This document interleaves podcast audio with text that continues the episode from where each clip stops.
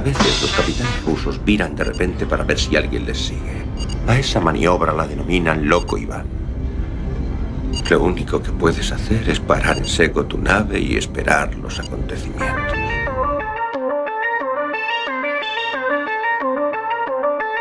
Yamasphere 347 of Space Patrol calling unidentified ship. Good night,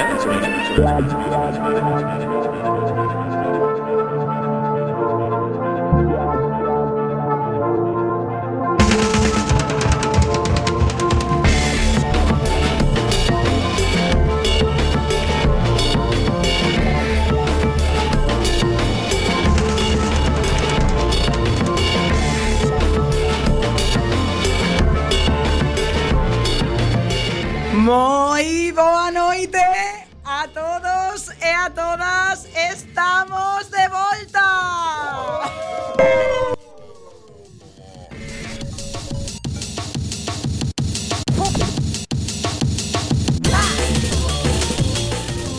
Prepárense para pasar unha hora repleta de aventuras a bordo do submarino nucelar máis intrépido de toda Unión Soviética Levábamos tempos en escoitarnos porque estivemos de feiras, de longas feiras, de noites que se fixeron días e de días que se fixeron noites. De novo, e mentre surcamos as procelosas augas do río Monelos, e mentre damos de comer o Kraken, é momento de facer repaso de todo o aprendido nestes meses de asueto. Please stand back from the automated door and wait for the security officer to verify your identity exiting the train, be sure to check your area for personal belongings. Como sempre contaremos con noticias, música, o noso relato e a entrevista. Iniciamos a tempada falando cunha integrante do estudo coruñés Gato Salvaxe que está a acabar o seu esperado proxecto de Wildlanders. E todo isto non sería posible sen o señor Bugalov na sala de máquinas. Sempre a nosa esquerda, o camarada Lamelov. Boa noite, camarada, que ben se estaba de vacacións. Ai. Pois se acabou. Xefe de cociña, por agora, Birnaren. Eh, eh, que hubo unha pequena confusión. Eh, acabas de decir de dar de comer o Kraken e eh, eu entendín comernos o Kraken e estaba preparando aquí. Perdón, eh, de verdade. Abortes a misión, porque tamén temos que saudar a Gran Tovaris Beosca. Vacacións serán remuneradas, non? Non hai iso. E por suposto, o noso intelectual moderno de merda favorito, o camarada Esmendrellev. Boas noites a todas e a todos. Estaban esperándome. Saúda vos a capitana Esbletana Ibarruri. Isto é Loco Iván. Comezamos. Game over.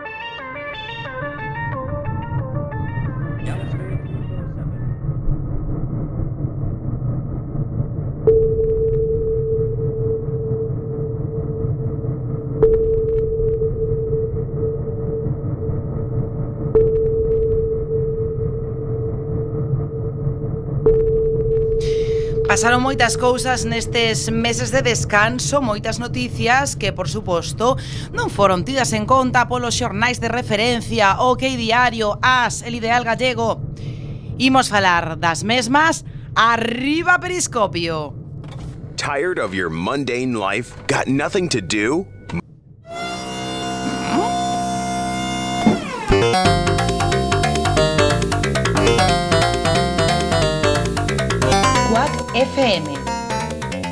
Loco Iván. Periscopio.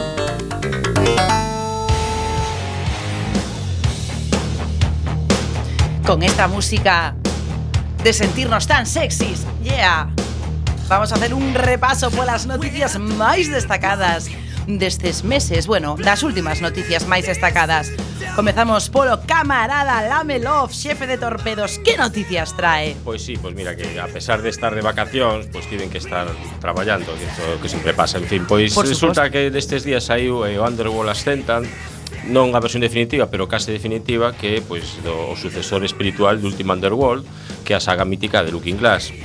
Paunera, que é o fundador, e agora tamén está a fronte pois, de Otherside Entertainment, xunto con outras persoas míticas, pois, como Nate Wells e Tim Stelmas, que estiveron no CIF, e tamén con o menos mítico eh, Warren Spector. E tamén atopei outro xoguiño, que non sei se coñecedes o Papers, Please, por resulta que o seu autor estará con unha movida de piratas que se chama Return ao de Obradín, pero a este señor molañen moito os temas burócratas e resulta que pois, é un burócrata que ten que embarcarse nun barco pirata para levar, pois, eh, digamos, a xestión burocrática da desaparición pois, dunha serie de, de piratas. Entón o tipo vai ali... Encanta a idea. É, é super guai, o xogo é increíble porque é eh, divertidísimo. De verdad crees que este xogo é merecedor de estar nesta sección? É merecedor. Eh, quen coñece a Papers, Please saberá por que, por que o digo. E, bueno, tamén saiu eh, nestes días, pois pues nada, aí a versión ultra beta de Insomnia, que é de Mono Studio, eh, pois pues a través de Kickstarter conseguiu financiarse, eh, bueno, conseguiron facer un videoxogo de rol cyberpunk isométrico, eh, moi escuro, eh, bastante ben, ben feitiño, pois pues representa unha estación espacial retrofuturista que partiu pois, pues, nunha viaxe de 400 anos co positivo de pois atopar un novo fogar. Bueno, a historia eh, está bastante ben e tive unha ocasión de probar a beta e, e bueno, e mola bastante. Unha cousa importantísima, temos que dar un, non sei que vamos a dar, un aplauso ou, ou un eruto eh, ao reparto para The Witcher. Pois iso que temos que ver se, Peido ou aplauso. Non saberemos todavía Porque resulta que o, a serie do mítico Witcher pois Está protagonizada por Henry Cavill Que é o guaperas que protagonizou Superman. Peido. Peido, non? Así un poquinho. Sen embargo, Totalmente. Pois Bueno, hai unha pero- foto que sai bastante ben caracterizado. Efectivamente, o Mm, ah, bueno, é certo, e- porque se parece a Cardrogo nesa foto, entón, mm, aplauso. Eh, quedamos aí un pauso pero con ventosidade. Logo está Freya Alan, que participou en Into the Badlands como Ciri, que bueno, a mí Bueno, mola bueno. porque Bueno, Ben. hai nos peores. sí. Ah. Eh, Anya Chalotra, que está en ABC Murders como Jennifer, que a ver, nos libros Jennifer parece que é máis talludita do que sae, bueno, do que esta actriz que parece máis ben adolescente, así que non sei vos como a vedes. Non sei ni que Para que efectivamente. Correcto. Home, se o bueno. fan ben na parte de maquillaxe igual cuela. Igual cuela, sí. Tamén está Jodie May, que participou en Xogo de Truños, como a Raíña Calante, eh, uh -huh. ni chicha ni limonada, porque non sei nin quen é tampouco. Eh, ah, a bueno, foto non me di nada. Está, está, está ben. E Bjorn Hilung Haraldsson, que traballa en Fortitude, pois é o, o marido de a Raíña Calante, o cabaleiro Eist. Uh -huh. eh, como con, vedes vos? Con ese nome ten que estar ben. Eh, sí. Bueno, eu en principio merece o peido de oro a que hai unha persoa que traballou en Crepúsculo. Sí, que, de verdade, crepúsculo porque está Miana Lindo. Burin que trabaxou un crepúsculo e eh, a Mencer, entón esa xa da igual o que faga que xa está marcada de por vida. Está marcada de por vida, claro. está morta Sal, en vida. Salvo a, para os que non vimos crepúsculo, que entón, pois pues, non pasa nada. E bueno. Adam Levy como druida Musesac. Home, Pois, eh, definitivamente, pode que estamos ao borde dun peido importante, pero, inda así, vamos repasar outros peidos destos meses co o camarada Birnaren, que sabe moito destes temas. Sí, eh, un, algo destacado que oscurece pois as noticias anteriores eh, é a seguinte noticia, porque é bastante oscura. Eh, Sine O'Connor se convirte ao Islam. Creo que esa é unha noticia. Porque... Primeiro, creo que é unha noticia mm, de fai máis de meses, non? No, no, no, no, que aparece aquí unhas fotos, está todo correcto. O que pasa que non sei que... Pois pues, ese unha nova da noite. Non sabes o que lle dou, como todos. Sí. Non foi do ano pasado, do 82. Eu creo que, sí, sí, total. Ah, pero de feito, pois eu tereime esta semana tamén. Mm, porque o comentou Birnadén, pero eu creo claro. que, que, que esa, o sea, totalmente un fake. No, oh, de verdad. Porque... que estaba casada con Mohamed Ali, ela. Que o vin o Facebook. Home, Mohamed Ali, o pobre que está un pouco morto para poder ser marido de Sindio Connor. bueno, claro, ti tamén, que de todas un, formas, a hai diversidade cosas, sexual é que... Hai cosas peores que poker, eh? eu non digo deixo caer nada máis. Sí, pero podemos esquecernos un pouco de todo isto porque poderemos escoitar así Nico O'Connor. Co Connor. Co Connor. Co Connor. É que o nome, tú, sí, eres tú, Cindy Connor. Cindy Connor. Eh, no, Wing Amp Comor? Eh? eh? Non, non ia. Pero non win, o Winam non morreu hai anos. Pero se eso iso ainda están desenvolvendo para dentro de 10 anos, nah. polo menos. Esa típica cousa que me saen na computadora e non a vin na puta vida. Sí. Pero... que é sei para que vale. Claro, pero se si hubieras nacido en 1989, pois saberías con, con meses de idade o que era un INAM, porque máis ou menos era a época na que estaba así máis máis de moda e é pois un reproductor de música como os que hai que non aporta probablemente nada, pero que Pero que poderemos escoitar a Sidney sí, O'Connor. Sí, que aporta, eh. Aporta o nostalgia. O, o Winamp, o Winamp porque aporta as animacións que se moven no ritmo da música. Eh, Efectivamente, que agora non ten ningún reproductor, claro. E as skins. As sí, skins. agora está en todo o mundo, pero pero primeiro foi o Winamp. Bueno, eh, Esmendrellev ten outra noticia que comentar importantísima destes sí, meses. eu teño un, un par de cousiñas que dicir. A primeira é quinta que fai uns anos era unha utopía, hai unha gran produción de ciencia ficción que se plantea como un dos títulos importantes do próximo Aninovo Luar. E digo Aninovo Luar porque ven de China. Aninovo sabedes... Luar, en Touro. Home, era por decir unha fricada. Sabes que pasa? Que antes China prácticamente non nos chegaba a produción de cifi. Ademais, o goberno non había moi ben. Parecíalle unha mariconada destas occidentais, sabes, para entreter o tempo e tal.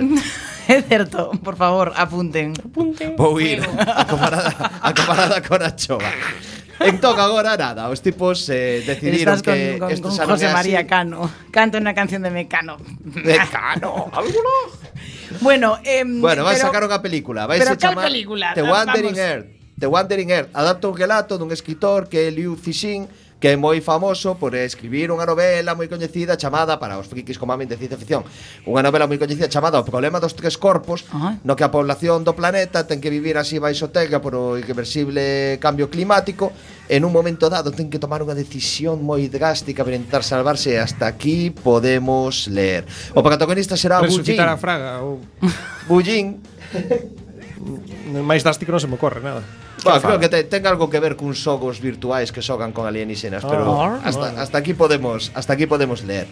E bueno, que saibades que o protagonista vai ser Bujin, se non sabedes quen é Bujin é o home de moda dentro deste rollo chinés, despois de conseguir o film máis visto da historia. Rollo que... Todo, mira, todas as túas noticias teñen un, tin, un, un así como un odio hacia hacia algunha raza, algún colectivo. Pero desde que eu sou moi fan da ciencia ficción chinesa. Leo moitísimo a Ken Liu. Que bueno, ah, bueno. é medio chino, medio americano, pero sigue sendo Daquela canción a Ken Liu. E bueno, a ver, o chino este, Bullin, que saibades que fixose moi famoso con Wolf Warriors 2. Ah. E, ademais, teño outra noticia que dar. Non sei se sabedes quen é David Green. No. Pois pues, bueno, pois pues David Green é un señor que é o autor dunha novela que se fixo famosa no seu momento, chamada The Postman, a infame oh, película, oh, a infame película de Kevin Costner. Na que, na que non está basada nesta esa merda de película está basada nesa gran novela. Pedazo o tío truño, fixo tío. moitísimas cousas, non? Deulle a novela, tamén escribiu Tempos de Gloria, unha novela feminista moi boa que fala dun mundo chamado Estratos, no cal pois gulan as mulleres, está é unha novela moi interesante que comendoa. Fixo un co eh, varios guións de cómics, entre eles Perdón, do universo de Star Trek, fixo o argumento dun videoxogo moi coñecido, Eco de Dolphin. E bueno, e agora no seu blog decidiu, xa sabedes, blog David Green fixo un compendio de todas as fases famosas de grandes escritores de ciencia ficción. Aínda existen os blogs. Bueno, pois pues mira, pois pues ante, ante, ante, esta, ante, ante este torrente de información, eu creo que o mellor é pasar á sala de radio.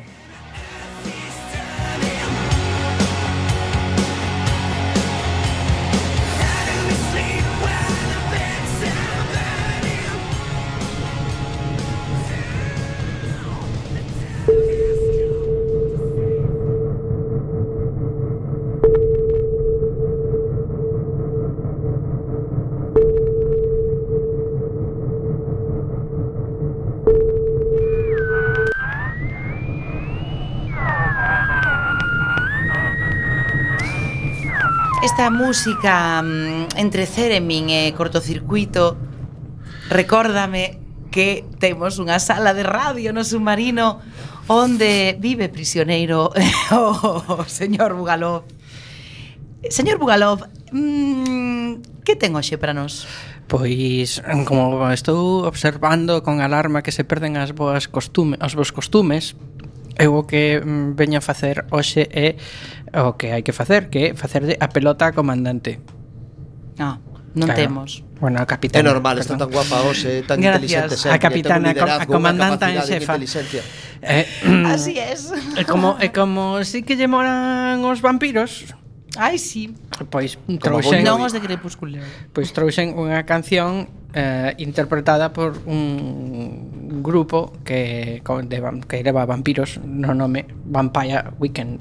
Preparo vampiros tamén. E ademais é así, é, é así bailonga e tal Entón, pois, como é o primeiro día Pois bailamos e lle facemos este a pelota señor que salía no Supermartes Vladimir o vampiro aquel Eu sou Rafa máis Pinto. daquila, Rafa Pinto, un respeto. Os vampiros Os vampiros está ben, está ben que se chamen Vladimir. Vladimir é un nome ben bonito, O gran Vladimir. Rafa Pintos. Un saúdo para Rafa Pinto. Un saúdo Pois ala, que a bailar. Ah.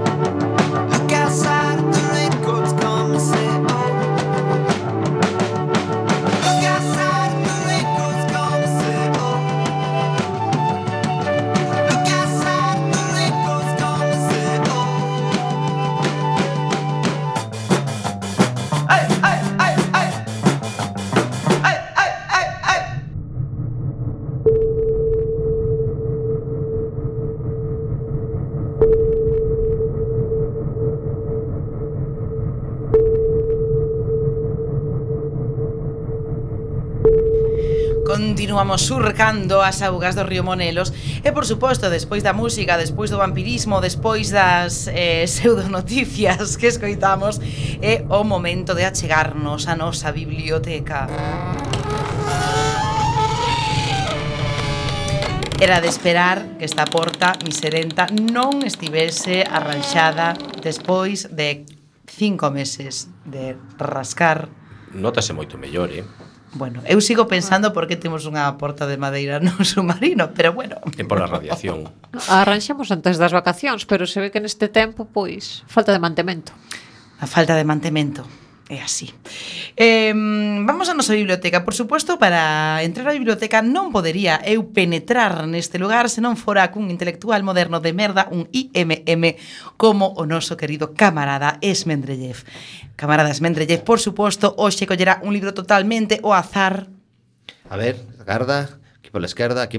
Ui, aí este que ten un pouco de pop por arriba. Uf!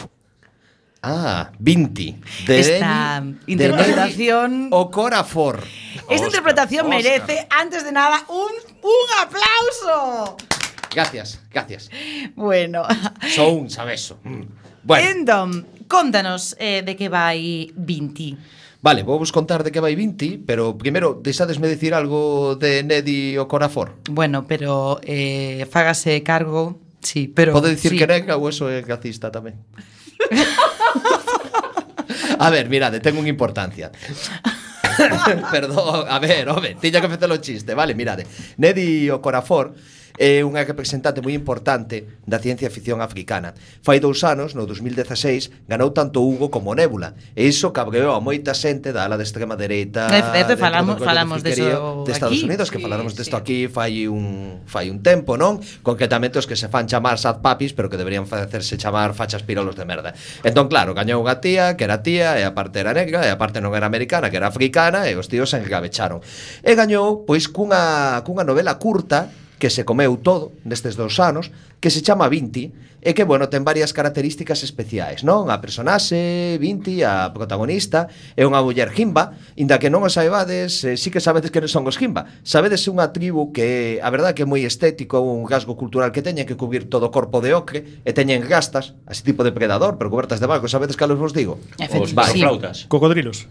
Eh, no, un cocodrilo é un reptil. O sea, isto estamos falando de, de, de mamíferos bípedos humanoides que viven na zona de África eh, concretamente en Namibia. Podría ser en Lugo, pero en Namibia. Os de Cerna. Non hai cocodrilos en Namibia. eu non sei, habería que mirar ben no miño. Bueno, a cuestión, este na historia, ela é unha jimba do futuro que é a primeira jimba que lle ofrece unha praza na Oma Uni, a mellor institución de ensino superior da galaxia. O que Vinti non sabe é que esa fonte de coñecemento lle sairá custosa, porque hai unha sanguinaria raza alienígena en que cos seres humanos, as medusas, que amenazan a súa viaxe. E para poder sobrevivir necesitará a axuda de toda a tradición do seu povo e tamén da sabiduría que aprendiu na súa preparación para ir a esta universidade.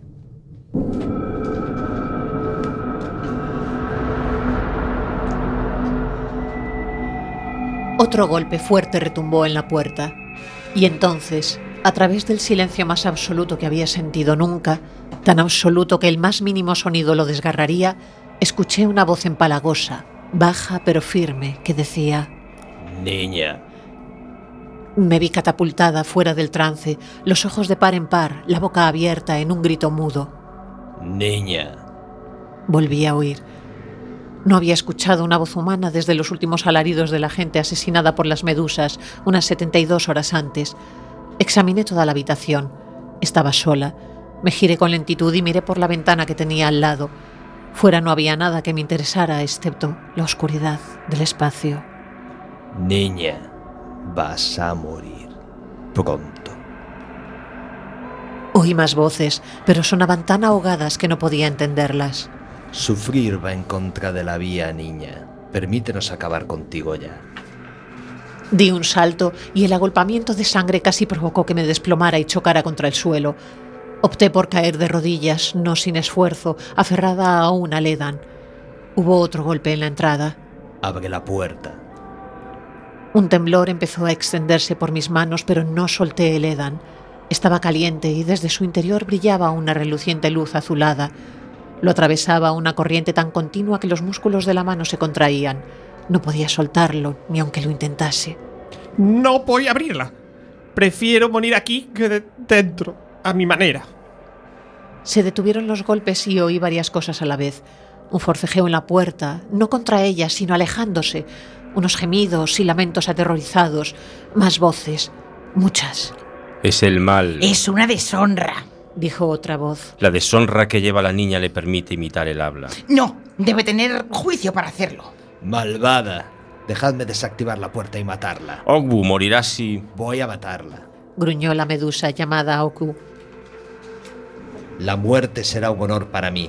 Estamos demasiado cerca. No podemos tener... ¡A mí! Grité de repente. ¡Oh, Oku! Llamarla por su nombre, dirigirme a ella directamente, sonaba extraño en mi boca. Seguí adelante. O- Oku, ¿por qué no hablas conmigo? Miré mis manos apretadas. Desde su interior, desde el Edan, la que seguramente fuera la corriente más poderosa que había producido nunca se extendía en unas ramas irregulares de azul brillante. Se incrustó en la puerta, embistiéndola. Una línea de brotes arborescentes azules cambiaban de forma sin romper nunca la conexión. La corriente tocaba a las medusas, las conectaba a mí. Y aunque yo la había creado, ahora no podía controlarla. Quería gritar, asqueada, pero antes debía salvar mi vida. Te estoy hablando. Yo. Silencio. Me levanté despacio con el corazón a mil por hora. Llegué hasta la puerta cerrada, tropezando y con las piernas doloridas y temblorosas. El acero orgánico de la puerta era finísimo, pero también una de las sustancias más resistentes de mi planeta. Allí donde la corriente lo tocaba se desplegaban hojas minúsculas de color verde. Las toqué centrándome en ellas y no en el hecho de que la puerta estaba recubierta de una lámina de oro, un superconductor de comunicación muy potente, ni en que las medusas estaban justo detrás de la puerta. Oí un crujido e hice acopio de todas mis fuerzas para no retroceder. Dilaté las fosas nasales mientras apretaba el Edan. El peso de mi cabello en los hombros me tranquilizaba. Pesaba con el otige que daba buena suerte y fuerza en donde estaba. Ser malvado. Oí que decía la medusa que se llamaba Oku. Era la única a la que sabía reconocer entre todas las voces, la más enfadada y escalofriante. Parecía hablada, no transmitida a mi mente. Captaba la vibración de la V en malvado y la S entrecortada en ser. ¿Tenían boca las medusas? No soy malvada. Dije. Oí murmullos y roces tras la puerta. ¡Abre! ¡No! Susurraron entre ellas. Pasaron los minutos. Me deslicé hasta el suelo apoyada en la puerta. La corriente azul me siguió. Seguía fluyendo por mi hombro. Crecieron más hojas verdes allí y algunas cayeron en mi regazo. Recosté la cabeza en la puerta y las miré. Hojas verdes diminutas, llenas de una diminuta vida verde, cuando me hallaba tan cerca de la muerte. Solté una risita. El estómago vacío rugió y me dolieron los resentidos músculos del abdomen. ¿Nos entiendes, niña? Dijo en voz baja y tranquila a la que, con un gruñido, me había llamado malvada. Sí. Los humanos solo entienden la violencia. Cerré los ojos y sentí que mi cuerpo débil se, se, se relajaba. Suspiré exhausta. Lo único que he matado han sido pequeños animales para comer, y fue con rapidez, y tras rezar y agradecer al animal su sacrificio. No te creo. Igual que yo, no creo que no me vais a matar si abro la puerta. No hacéis más que matar. Abrí los ojos. Me sacudió una energía que no sabía que aún poseía. Estaba tan enfadada que no podía coger aire. Como vosotras habéis matado a mis amigas. Tosí y me desplomé, débil. Mis amigas. Ay, mis amigas. Debemos matar a los humanos antes de que ellos nos maten a nosotras. ¡Idiotas! Espeté. Me limpié las lágrimas a medida que caían. Solté un fuerte sollozo y respiré profundamente para intentar tranquilizarme. Exhalé con energía y los mocos salieron volando. Mientras me limpiaba la cara con el brazo hubo más susurros. ¿Qué es este fantasma azul que nos has enviado para que nos comuniquemos? No lo sé. Respondí sorbiendo por la nariz. Me levanté y fui hasta la cama. Al momento me sentí mejor por alejarme de la puerta. La corriente azul se extendió conmigo. ¿Por qué te entendemos, niña? Preguntó Oku. Aún no podía escuchar su voz perfectamente desde donde estaba. Yo no lo sé. Ninguna medusa ha hablado con un humano desde hace mucho, mucho tiempo. Me da igual. Abre la puerta, no te haremos daño. No. Hubo un largo silencio, tan largo que debí quedarme dormida. Me despertó un ruido de succión. Al principio no le presté atención y me tomé un momento para limpiarme con el brazo un moco que tenía incrustado en la cara. La nave producía sonidos de toda clase, incluso antes de que las medusas la atacaran. Era un ser vivo y, como le ocurre a cualquier animal, las tripas le rugían y se le estremecían con frecuencia. Me enderecé cuando el ruido se intensificó. La puerta tembló, se combó un poco y se vino abajo por completo. El revestimiento exterior de oro quedó expuesto a la vista, el aire rancio de mi habitación zumbó hacia el pasillo y de repente el ambiente se enfrió y olió más fresco. Allí estaban las medusas. No sabía cuántas había, ya que eran transparentes, y cuando se juntaban solo distinguía una maraña de tentáculos traslúcidos y umbrelas ondulantes. Aferré el Edan contra mi pecho y me apreté contra la ventana, al otro lado de la habitación. Ocurrió deprisa, como los lobos del desierto que atacan por la noche a los viajeros de camino a casa. Una de las medusas se lanzó hacia mí. Observé cómo se acercaba. Vi a mis padres, hermanas, hermanos, tías y tíos, todos reunidos para recordarme, colmados de dolor y pérdida. Vi cómo mi espíritu se separaba del cuerpo y regresaba a mi planeta, al desierto, donde contaba historias a los moradores de las arenas. El tiempo debió de ralentizarse porque la medusa no se movía, aunque de repente se cernió sobre mí, con los tentáculos colgando a tres centímetros de mi cabeza. Lancé un grito ahogado, lista para el dolor y la consecuente muerte. Su tentáculo rosa y marchito me rozó el brazo con suficiente firmeza como para quitar ocije. Blando, pensé, suave. Allí estaba, muy cerca ya, blanca como el hielo que solo había visto en fotos y en programas de entretenimiento, con un aguijón más largo que mi pierna. Miré fijamente la parte que sobresalía de entre el manojo de tentáculos. Crujía y se secaba. Le salían flotando espirales de bruma blanca a escasos centímetros de mi pecho. Entonces pasó de blanca a un monótono gris claro. Bajé la mirada hasta mis manos apretadas, con el édan entre ellas. La corriente que fluía de él alcanzó a la medusa y se extendió más allá. La miré y sonreí. Espero que duela.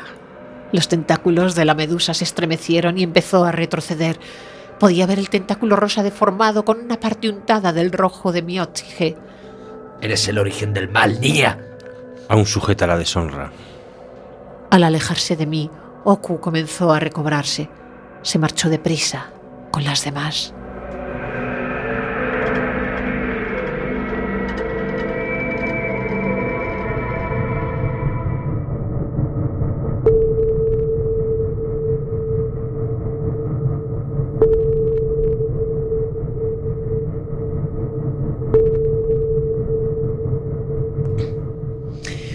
Bueno, pois acabou o relato Un aplauso esta vez doble para Beosca porque vaya eh, vaya relato. Veña, doble aplauso. Perfecto. Ha habido un triple aplauso por aí, pero bueno. Eh, pero chegamos un momento moi importante na noite na que temos que abrir a escotilla non para morrer afogados, senón para que entre a nosa entrevistada da noite Laxmi Irigoyen, moi boa noite. Hola, boa noite, que tal? Pois aquí estamos no submarino soviético, non sei se algunha vez baixou a un, a un submarino deste tipo no, é a primeira vez, a verdade. Bueno, pois teña cuidado co Kraken, non toque nada que vexe así fumeante. Eh, Laxmi é unha das diseñadoras do xogo de Wildlanders, un xogo de rol de sabor clásico e lendas galegas que se está a facer na Coruña, que xa temos moito falado no submarino eh, dos Wildlanders e tamén, por suposto, da empresa que o está facendo, de Gato Salvaje, que está traballando na mesmísima Rúa do Papagayo, Traballa no que pode ser o próximo exitazo no mundillo do rol para o ordenador.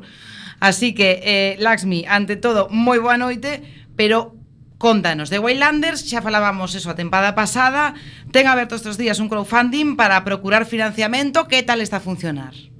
Bueno, pues está funcionando bastante ben. Le, levamos xa 10 días, máis ou menos, de, de crowdfunding e temos pues, uns mil e pico, superamos os mil backers, e xa superamos tamén o 75, vamos, a terceira parte de, de, da financiación. Entonces, a verdade é que está funcionando moi ben, pero, pero, pero bueno, aínda queda. Bueno, aínda queda nos dende aquí, dende o submarino, xa sabe que estamos a tope con, con Gato Salvaje e cos Wildlanders. Explíquenos un pouco para as neófitas mm, que fai unha diseñadora de niveis, como a vostede.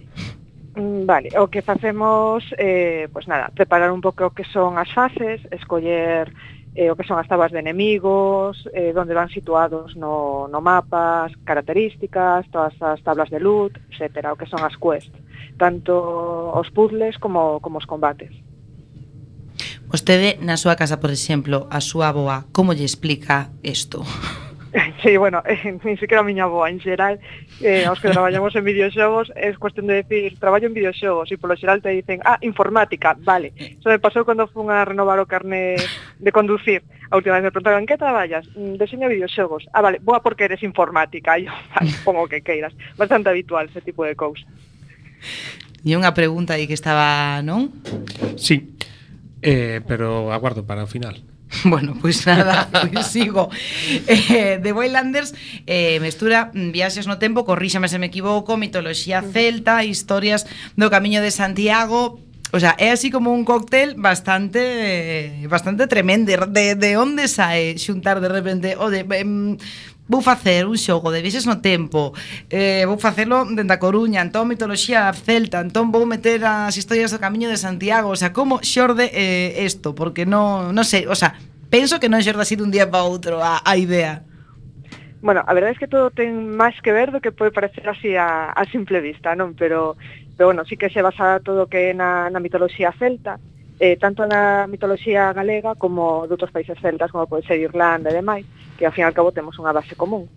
Eh, e a partir de aí o que queríamos facer un pouco era mostrar tamén a diferencia entre esa Galiza celta eh, mítica, ¿no? que coa importancia que pode ter pues, todo o tema da natureza e demais, sí. eh, contrastada co que a, a Galiza, digamos, pues, máis máis medieval, ¿no? donde a religión ten moita máis importancia, donde se van perdendo pues, todos esos mitos e toda esa digamos, en, a importancia da natureza uh -huh. en aras do que é a, pues, a nova religión e demais.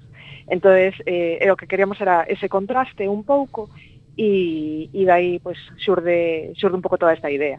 No? E tamén pues, basando sobre todo a importancia que ten para nos, claro, tendo unha, unha historia como a nosa, ¿no? en Galiza, con, con a importancia das lendas e demais, e un pasado celta como que temos, nos pareceu un pouco triste que pues, hai moitos xogos e moitas historias pois, basadas en fantasy medieval e demais. Uh -huh. e, con toda a riqueza que temos aquí, sí que nos apetecía pues, un pouco mostrala no que no que un xogo. Un pouco nace todo isto por esa idea.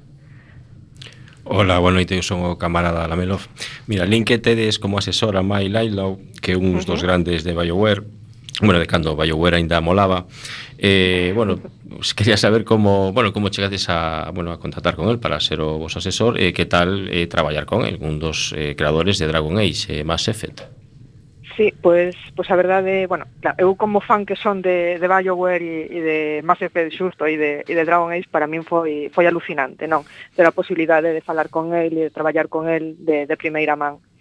Eh, nada, pues, un pouco a idea xurde, bueno, foi de Sergio Prieto, eh, quen se puxo en contacto con el, e, e lle propuxo isto unha vez que saiu a noticia de que abandonaba a Bioware e, e bueno, pues Sergio de, debe ser moi bo convencendo a xente o convenceu e, e aquí o temos. Visitou en varias ocasiones Coruña, estivo aquí varias veces traballando directamente con nós, o que normalmente o fai pues, vía telemática, non a través de, de internet eh, e Skype, es cando temos as reuniones con él e demais. Pero bueno, xa digo, sí que estivo aquí, a verdade es que foi foi flipante. Para min, dende logo, como fan que son del, a verdade es que foi foi moi impresionante telo aquí. Eh, Laxmi, eh, chama a atención, ou polo menos eh, é curioso que, claro, que ainda nos chama a atención eh, ou temos esa idea de que a industria do, do, do videoxogo é unha industria eh, fortemente pirolizada. Eh, en Gatos Salvajes sodes moitísimas mulleres, moitas mulleres con postos de responsabilidade, como ti, como Eugenia, que, que baixou o submarino a, a tempada pasada. Eh, se nota todavía porque sí que falamos con, con moitas mulleres aquí do, do mundo do, do videoxogo, moitas eh, eh, roleras, pois que siguen dicindo, joder, que a xente todavía se todavía se mm, pois eso, pois que te estou facendo esta pregunta, non? Porque Todavía todavía hai teito de, de cristal na, no mundo do, do videoxogo? Pois eh, sí, cada vez menos, pero sí que sí que o hai. Eh, sobre todo, bueno, eu son, son formo parte de Woman in Games, de, de FemDevs e de Todas Gamers. Uh Eh, que todas as games que tamén as tivemos aquí, eh, que estamos... sí, pues, pues tamén formo parte delas. Eh, tanto, o que quero decir con isto, que podo ver a parte da muller tanto como desenvolvedora de videoxegos como gamer. No, eh, e, por exemplo, como gamer, pois pues, sí que ves os, os, os homes, ¿no? que, mm. que son moi agresivos, cousas como pues, lo de Battlefield 5, por exemplo, ¿no? que fixeron no E3, eh, saía pues, a, a protagonista e todos empezaron que non iban a comprar o xogo, empezaron unha campaña brutal contra o xogo por ter unha protagonista muller, eh, tecindo cousas tan absurdas como na primeira, na Segunda Guerra Mundial non había mulleres, perdoa, pero, eso, pero si as había. Eso, eso é falso. Non se reproducía claro, ¿no? xente por claro. mitosis. Este, este, este tipo de cousas que son completamente absurdas. E dende o lado de das desenvolvedoras de videoxogos, eh, sí é certo que todavía es bastante, sobre todo en certos, en certos digamos, traballos, non? eh, por exemplo, eh, programadoras hai moi poucas polo xeral, eh, quer decir que non solamente que non se contraten a mulleres que fagan estes traballos, sino que moitas veces a, o que son as enxeñerías e demais, xa de base hai menos mulleres que os estudian por tamén por cuestiones pues, de, de cultura, ¿no? Sí. E iso implica que haxa menos a hora de contratar. Eh, si en Gato Salvaje xa digo que sí que temos, bueno, como decías, sí que hai bastantes mulleres, eh, no que son os portos de, de mm, produción e demais de dirección somos 50-50, eh, o que está moi ben, debemos ser dos poucos dos poucos estudios non? que, sí, que sí. temos un 50-50. Eh, dentro da plantilla todavía somos un pouco menos, somos no un 35%, creo que agora mesmo. Pero bueno, eh, un pouco é isto, que tamén en, en certos sectores é un pouco complicado atopar eh, mulleres debido a, a, eso, a que hai moitas menos, ¿no? que estudian este tipo de, de carreras máis máis de enxeñería, por decir algún xeito. Por certo, que tamén nos, nos fai moita ilusión que sabemos que en Wildlanders mm, se vai facer, eh, bueno, un esforzo non, vai estar aí unha, unha correcta representación de xénero e das diversidades sexuais Como pensades facelo? Como pensades abordalo? Eh, pois non sei, sen que haxa eh, ninguén cunha cabeza moi cuadrada que, dios mío, que é isto? bueno, se alguén lle molesta, pois pues, ten dous problemas, molestarse e desmolestarse.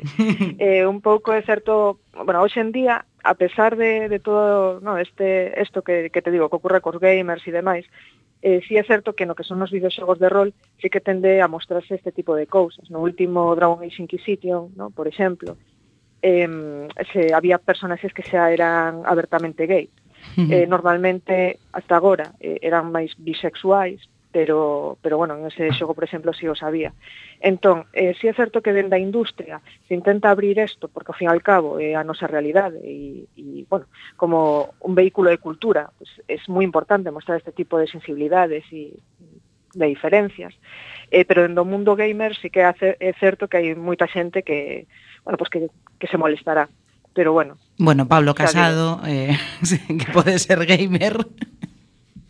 Se a nos, a nos dende logo, xa dimos, teñen dous problemas, non? Dos, dos traballos, enfadarse e desenfadarse. O sea que temos moi claro que si sí queremos mostralo porque porque nos parece importante tamén reivindicar un pouco isto. Pois moitísimas gracias, non sei se queda aquí a tripulación algunha pregunta máis, xa que a temos, pois, Birnarén. A, miña, a miña, a miña. A ver. Eh, vos, que tal? Eh, Hola. Eh, Ao igual que, que o mundo do cómic que, que bueno, que agora Galicia pois é unha potencia, incluso se pois o tema da animación, eh bueno, a creación de videoxogos tamén ten un componente creativo pois moi importante. Eh vemos a posibilidade de que de que isto creza tamén en Galicia e que, bueno, o mundo da creación de videoxogos pois empeza a a ter tamén outra serie de compañías e, e empeza a ser unha, unha referencia por esa capacidade artística que temos de crear cousas innovadoras? Eh, bueno, é eh, un pouco a, a idea que temos, que decir, Gato cando empeza a facer non só de Wildlander, sino tamén os xogos que que, que se fixo, que fixeron hmm. que fixeron antes, un pouco que se buscaba es crear industria dentro de Galiza. Eh, é certo que aquí formamos eh, profesionais que para poder sair, non? ter unha saída dentro do mundo do videoxogo, o normal é que teñas que marcharte fora. E con aquí non solamente me refiro a Galiza, senón en xeral hmm. a, ao Estado español.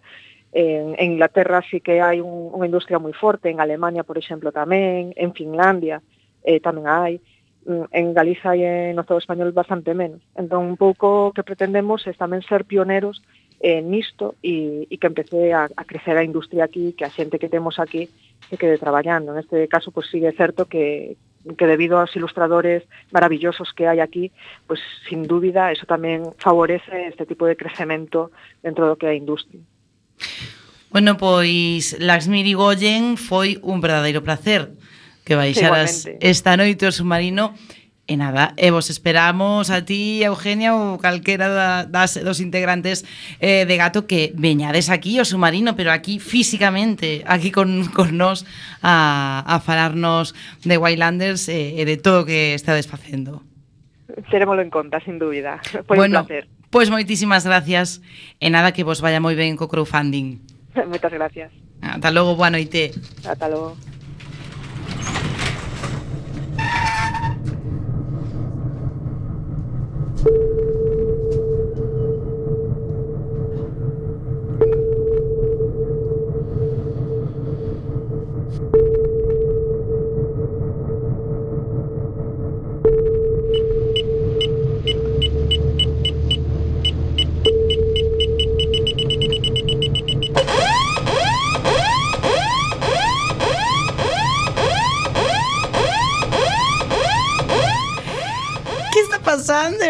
Innovación. Ay, Dios mío. Eh, mm, no sé qué está pasando, que algo, algo quiere decir o camarada eh, Bugalov de, de- de- de- de la sala de radio donde está atado. Bueno, non pasa nada, que Eh, vale, que Eu- apuremos. Eu, creo que- que foi Stajanov que estaba limpando e lle deu un botón sin querer ou algo porque non isto non pasara nunca. Bueno, vamos a la coinmersión. ¿Qué tenemos que, qué tenemos que contar? ¿Qué cosas aprendimos? Que? Empeza, que empeza? Eu mesmo. Ah, Veña, me a ver, se teño que falar de cousiñas que aprendín este verano, a primeira delas é un blog de historia maravilloso, tanto polo contido que ten que moi bo, como por como está contado, apuntado o nome Barcos sin honra E vale a pena lelo. De feito, capitana, se me les un pequeno fragmento Espera, ah, porque acabo de perder o que tiña que ler, o tiña apuntado, pero non pasa nada, vou a ler. Ti- tipo en voz de, de Canal Energy, sabes? Cando ponto Canal Historia estos gollos guapos de vikingos que matan sete tal eh. Supongo que todos ustedes habrán visto ya la película 300, ese videoclip de dos horas en el que toda la población masculina de los gimnasios del Peloponeso se enfrenta a un ejército de orcos con máscaras dirigidos por la reina del carnaval de Tenerife. Ya saben, el heroico sacrificio de los durísimos espartanos, símbolo de la libertad de Occidente, de nuestra cultura, de las cañas y las tapas del domingo y en general de todo lo bueno que en el mundo ha sido, en resumen, los nuestros a manos de los corruptos, viciosos traidores sometidos y algo equívocos asiáticos, que todo el mundo sabe que, mm, que de allí viene todo lo malo, como puede ser el comunismo, los bazares orientales y Osama Bin Laden. Bueno, pois eso. Neste, neste ranking de cachondeo, o tío que fala moi ben de historia ten unha serie de, de artigos que son moi bons. Gústame especialmente un que se chama O mito dos espartáns, el mundo a través de unha boina, porque basicamente pois, os espartanos eran uns tipos que teñen moi boa fana gracias a tíos como Frank Miller que lles deron moita bola, o collo da existencia, da guerra, pero ao final pois era unha panda de salvases que vivían nunha pequena zona chamada Laconia de la Cedemonia, que tiñan un montón de esclavos, matábanos a paus e non fixeron nunca nada productivo, porque seguro que todos podemos pensar nun montón de nombres de gregos famosos, non? Pericles, Sófocles, Arquímedes, científicos, escritores, Herodoto, Coñeces algún que fora espartano? Ante todo, Espartaco? Vale, o sea, temos aí uns, uns animais que só valían para dar hostias, eh, pero nada, son os que levaron a fama, son os bueno, que Bueno, pero... ah, sí, como tiñan tableta. Pero bueno, bueno en calquera caso. Bueno, pero que perderon. Pero eh. pero qué tableta. Que os, digo que os espartanos perderon. Sí, sí, sí. Pongo que para tanto. O sea, bueno, pero el yelmo le pesaba. De feito, o final, o final pasou o que tiña que pasar e a cultura ateniense do que estos dos gregos que era bastante máis potente, pois foi a que pasou a posteridade, non? Pero bueno, a verdade, hai que ler, de verdade, vale a pena ler o blog El eso, Non sei se vos lembrades que antes faláramos dun escritor, David Brin, o de T. Postman.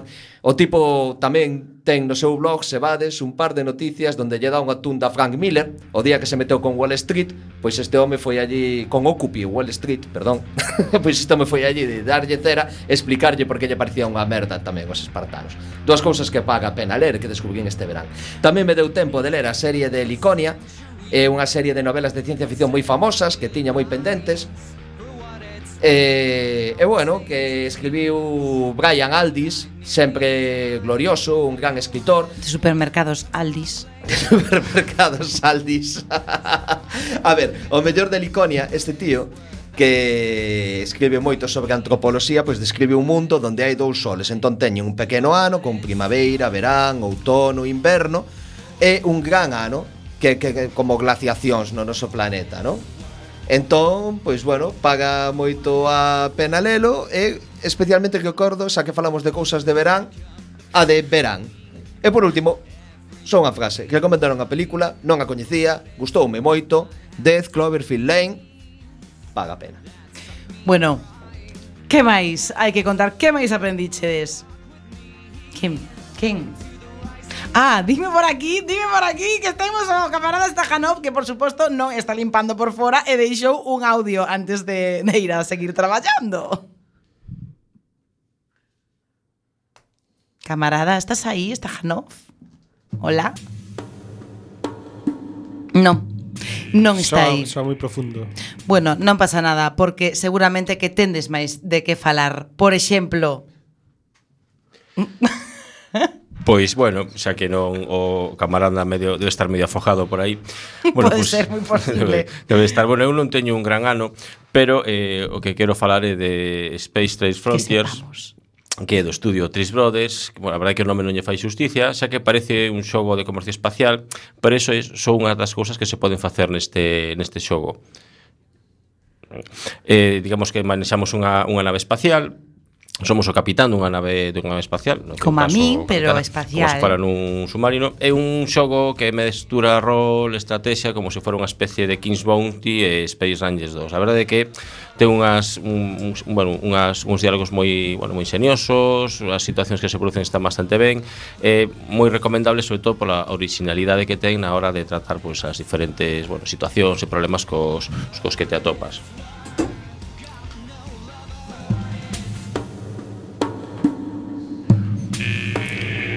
Ben, isto que só é un dos meus favoritos Que é Pathologic 2 eh, A segunda parte, pois, un dos videoxogos máis especiais eh, Penso que xoguei nunca A pesar dunha traducción do ruso Que ben valía para un par de anos no Gulag. É da compañía compatriota eh, Ice Peak Lodge Que sempre fan videoxogos diferentes ao habitual Xa que sempre defenden que o videoxogo é unha nova rama da arte. Tiven ocasión de probar a versión alfa de proba e non decepcionou en absoluto.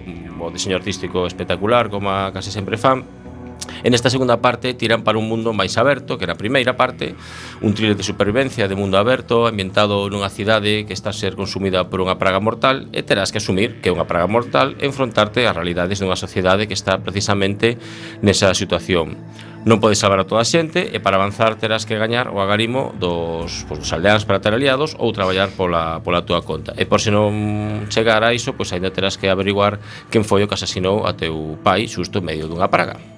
A que ver? Que oportuno. E que máis temos?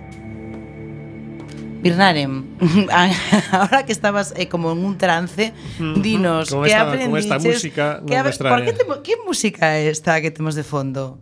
Era de Pathologic. Pathologic. Ah, era de Pathology. Pensé Sí. que era así como Laura A Palmer. Me entraron varias patologías praga. directamente. Eh, bueno, eu teño eh, pois un xogo un pouco friki que se chama Do Not Feed the Monkeys. Eh, que é un simulador de, a ver se o digo ben, de Butchers Eh, non me estás coitando a capitana, pero bueno, dá un pouco No, igual. porque estamos pensando é que vou explicar para se non xente que non, non me- que, non que non é que, que está dicindo que está pasando é que non encontramos o camarada Stajanov que debería estar dentro do submarino non sabemos onde está estamos un pouco preocupadas por se realmente lle poido eh, acaecer algo A ver, como sobrevivir a, a morte por Claro. Kraken ou bueno Claro, este gran ano mellor quedou construído en algún burato ou algo, non sei. Pode ser, eh, porque, en fin. Pero, bueno, contanos como, como está o teu ano. O, mm, o meu ano está correcto, de momento, e nada máis. Eh, que máis quería saber? Bueno, eh, pero sobre todo, eh, nestes meses, eh, bueno, que, descubriches? Nestes meses. Sí, bueno... Eh, A ver, ese bueno, video xogo, ese video xogo re, re, Rebobinemos, porque parece que todo ten que volver. Do not feed the monkeys, repito. Que... Podería estar así toda a noite, pero vou explicar un poquinho de que vai, no? porque senón non ten gracia. Claro. Entón, eh, é un xogo no que te din que non alimentes os, os monos e os monos somos nós basicamente eh, pois o prota é unha persoa que ten un montón de cámaras eh, distribuídas ao longo de toda bueno, dunha, dunha especie de pantalla e eh, pois basicamente se trata de ir espiando a xente que teóricamente non a ten, non a ten que alimentar Que significa alimentar? Pois eh, significa non interaccionar con ela para cambiar pois o que ali pasa en esas especie de cámaras espías. O sea que descubriches os tamagotchis. Ou que ven sendo un pervertido. Sí, basicamente. De feito, basicamente o que se trata é eso, de espiar o que o que pasa nas outras pa pantallas. O que pasa que, bueno, ten unha eh, bueno, que é bastante original, non? Porque parece unha especie de xogo dos anos 80, onde aparecen así unha especie de sistema operativo extraño, te mandan mensaxes eh, bueno, pois pues por Messenger e tes que, bueno, ir a ves a túa propia habitación, tes que, bueno, abrir a neveira, comprar comida e tal, non quedarte eh, pois sin, eh, sin comida, tes que pagar a caseira, bueno, facer unha serie de cosas a vez que espías e creces en esa especie de trama de, de mm, espías. Mm, bueno, pois é eh, bueno, a vida dunha persoa de 45 anos. eh, eh, temos esta Janov, encontramos Por favor, vamos a ver a mensaxe que nos dejou Stajanov. Hola, Stajanov. Eh, estou aquí fora do submarino, confirmo vos que levo tres meses sacando de brillo a chapa e os cristales. Ai, que riquiño. Limpio, que o día que se fabricou. Eh, confirmo vos que atopei as chaves eh, exactamente o 20 de agosto, pero deume tempo a perdelas outra vez. Eh, así que estou nas aquí buscando nos bosques de coral do fondo do río Monelos. Aproveito que todavía me queda batería no radiófono para contarvos a miña descuberta deste verán, que foi un xoguinho de ordenador moi bo que se chama Into the Bridge. Eh, é un xogo de estrategia mm, en tabuleiro, moi sinxeliño de aprender, moi difícil de dominar, feito cun bonito pixel art, como se fora un xogo bello, en que se publicou este, este ano, eh, consiste en manexar un pequeno exército de robots xigantes que se enfrontan a monstruos igualmente xigantes primos de Godzilla nun futuro distópico no que a humanidade foi prácticamente arrasada e só sobrevive en catro illas controladas por catro grandes cooperacións corporacións capitalistas malvadas, o sea, vamos, mm, todo unha maravilla. Eh, conde esta peculiaridade, aparte de que ten un sistema eh, que se aproxima ao do xadrez, mellorando que son robots gigantes matando monstruos gigantes, pero no que cada movimento conta, no que podes desplazar os inimigos polo tabuleiro, facer que se maten entre sí, usar o entorno na súa contra, tiralos a auga, prenderlles lume, conxelalos, e toda clase de falcatruadas nun xogo que parece sinxelo, pero non o é. E ademais, o selo da casa é que os nosos robots gigantes están equipados con tecnoloxía para viaxar no tempo De modo que cando estás a piques de perder, eh, non morres, eh, vas cara atrás no tempo, eh, nunha liña temporal distinta volves a intentar derrotar os teus inimigos. É unha forma original de cadrar o típico reinicio constante que temos en todos os videoxogos na propia trama. Eh, de modo que cando xogamos unha partida, a miúdo atopamos cápsulas temporais nos cales os pilotos dos robots que perderon en partidas anteriores aparecen para reincorporarse unha vez máis ao noso equipo e eh, darles un poquinho máis de forza mm, nesta batalla case eternamente perdida. Mm, como digo, unha pequena obra mestra, Into the Bridge, metinlle eh, máis horas das que me mm, gustaría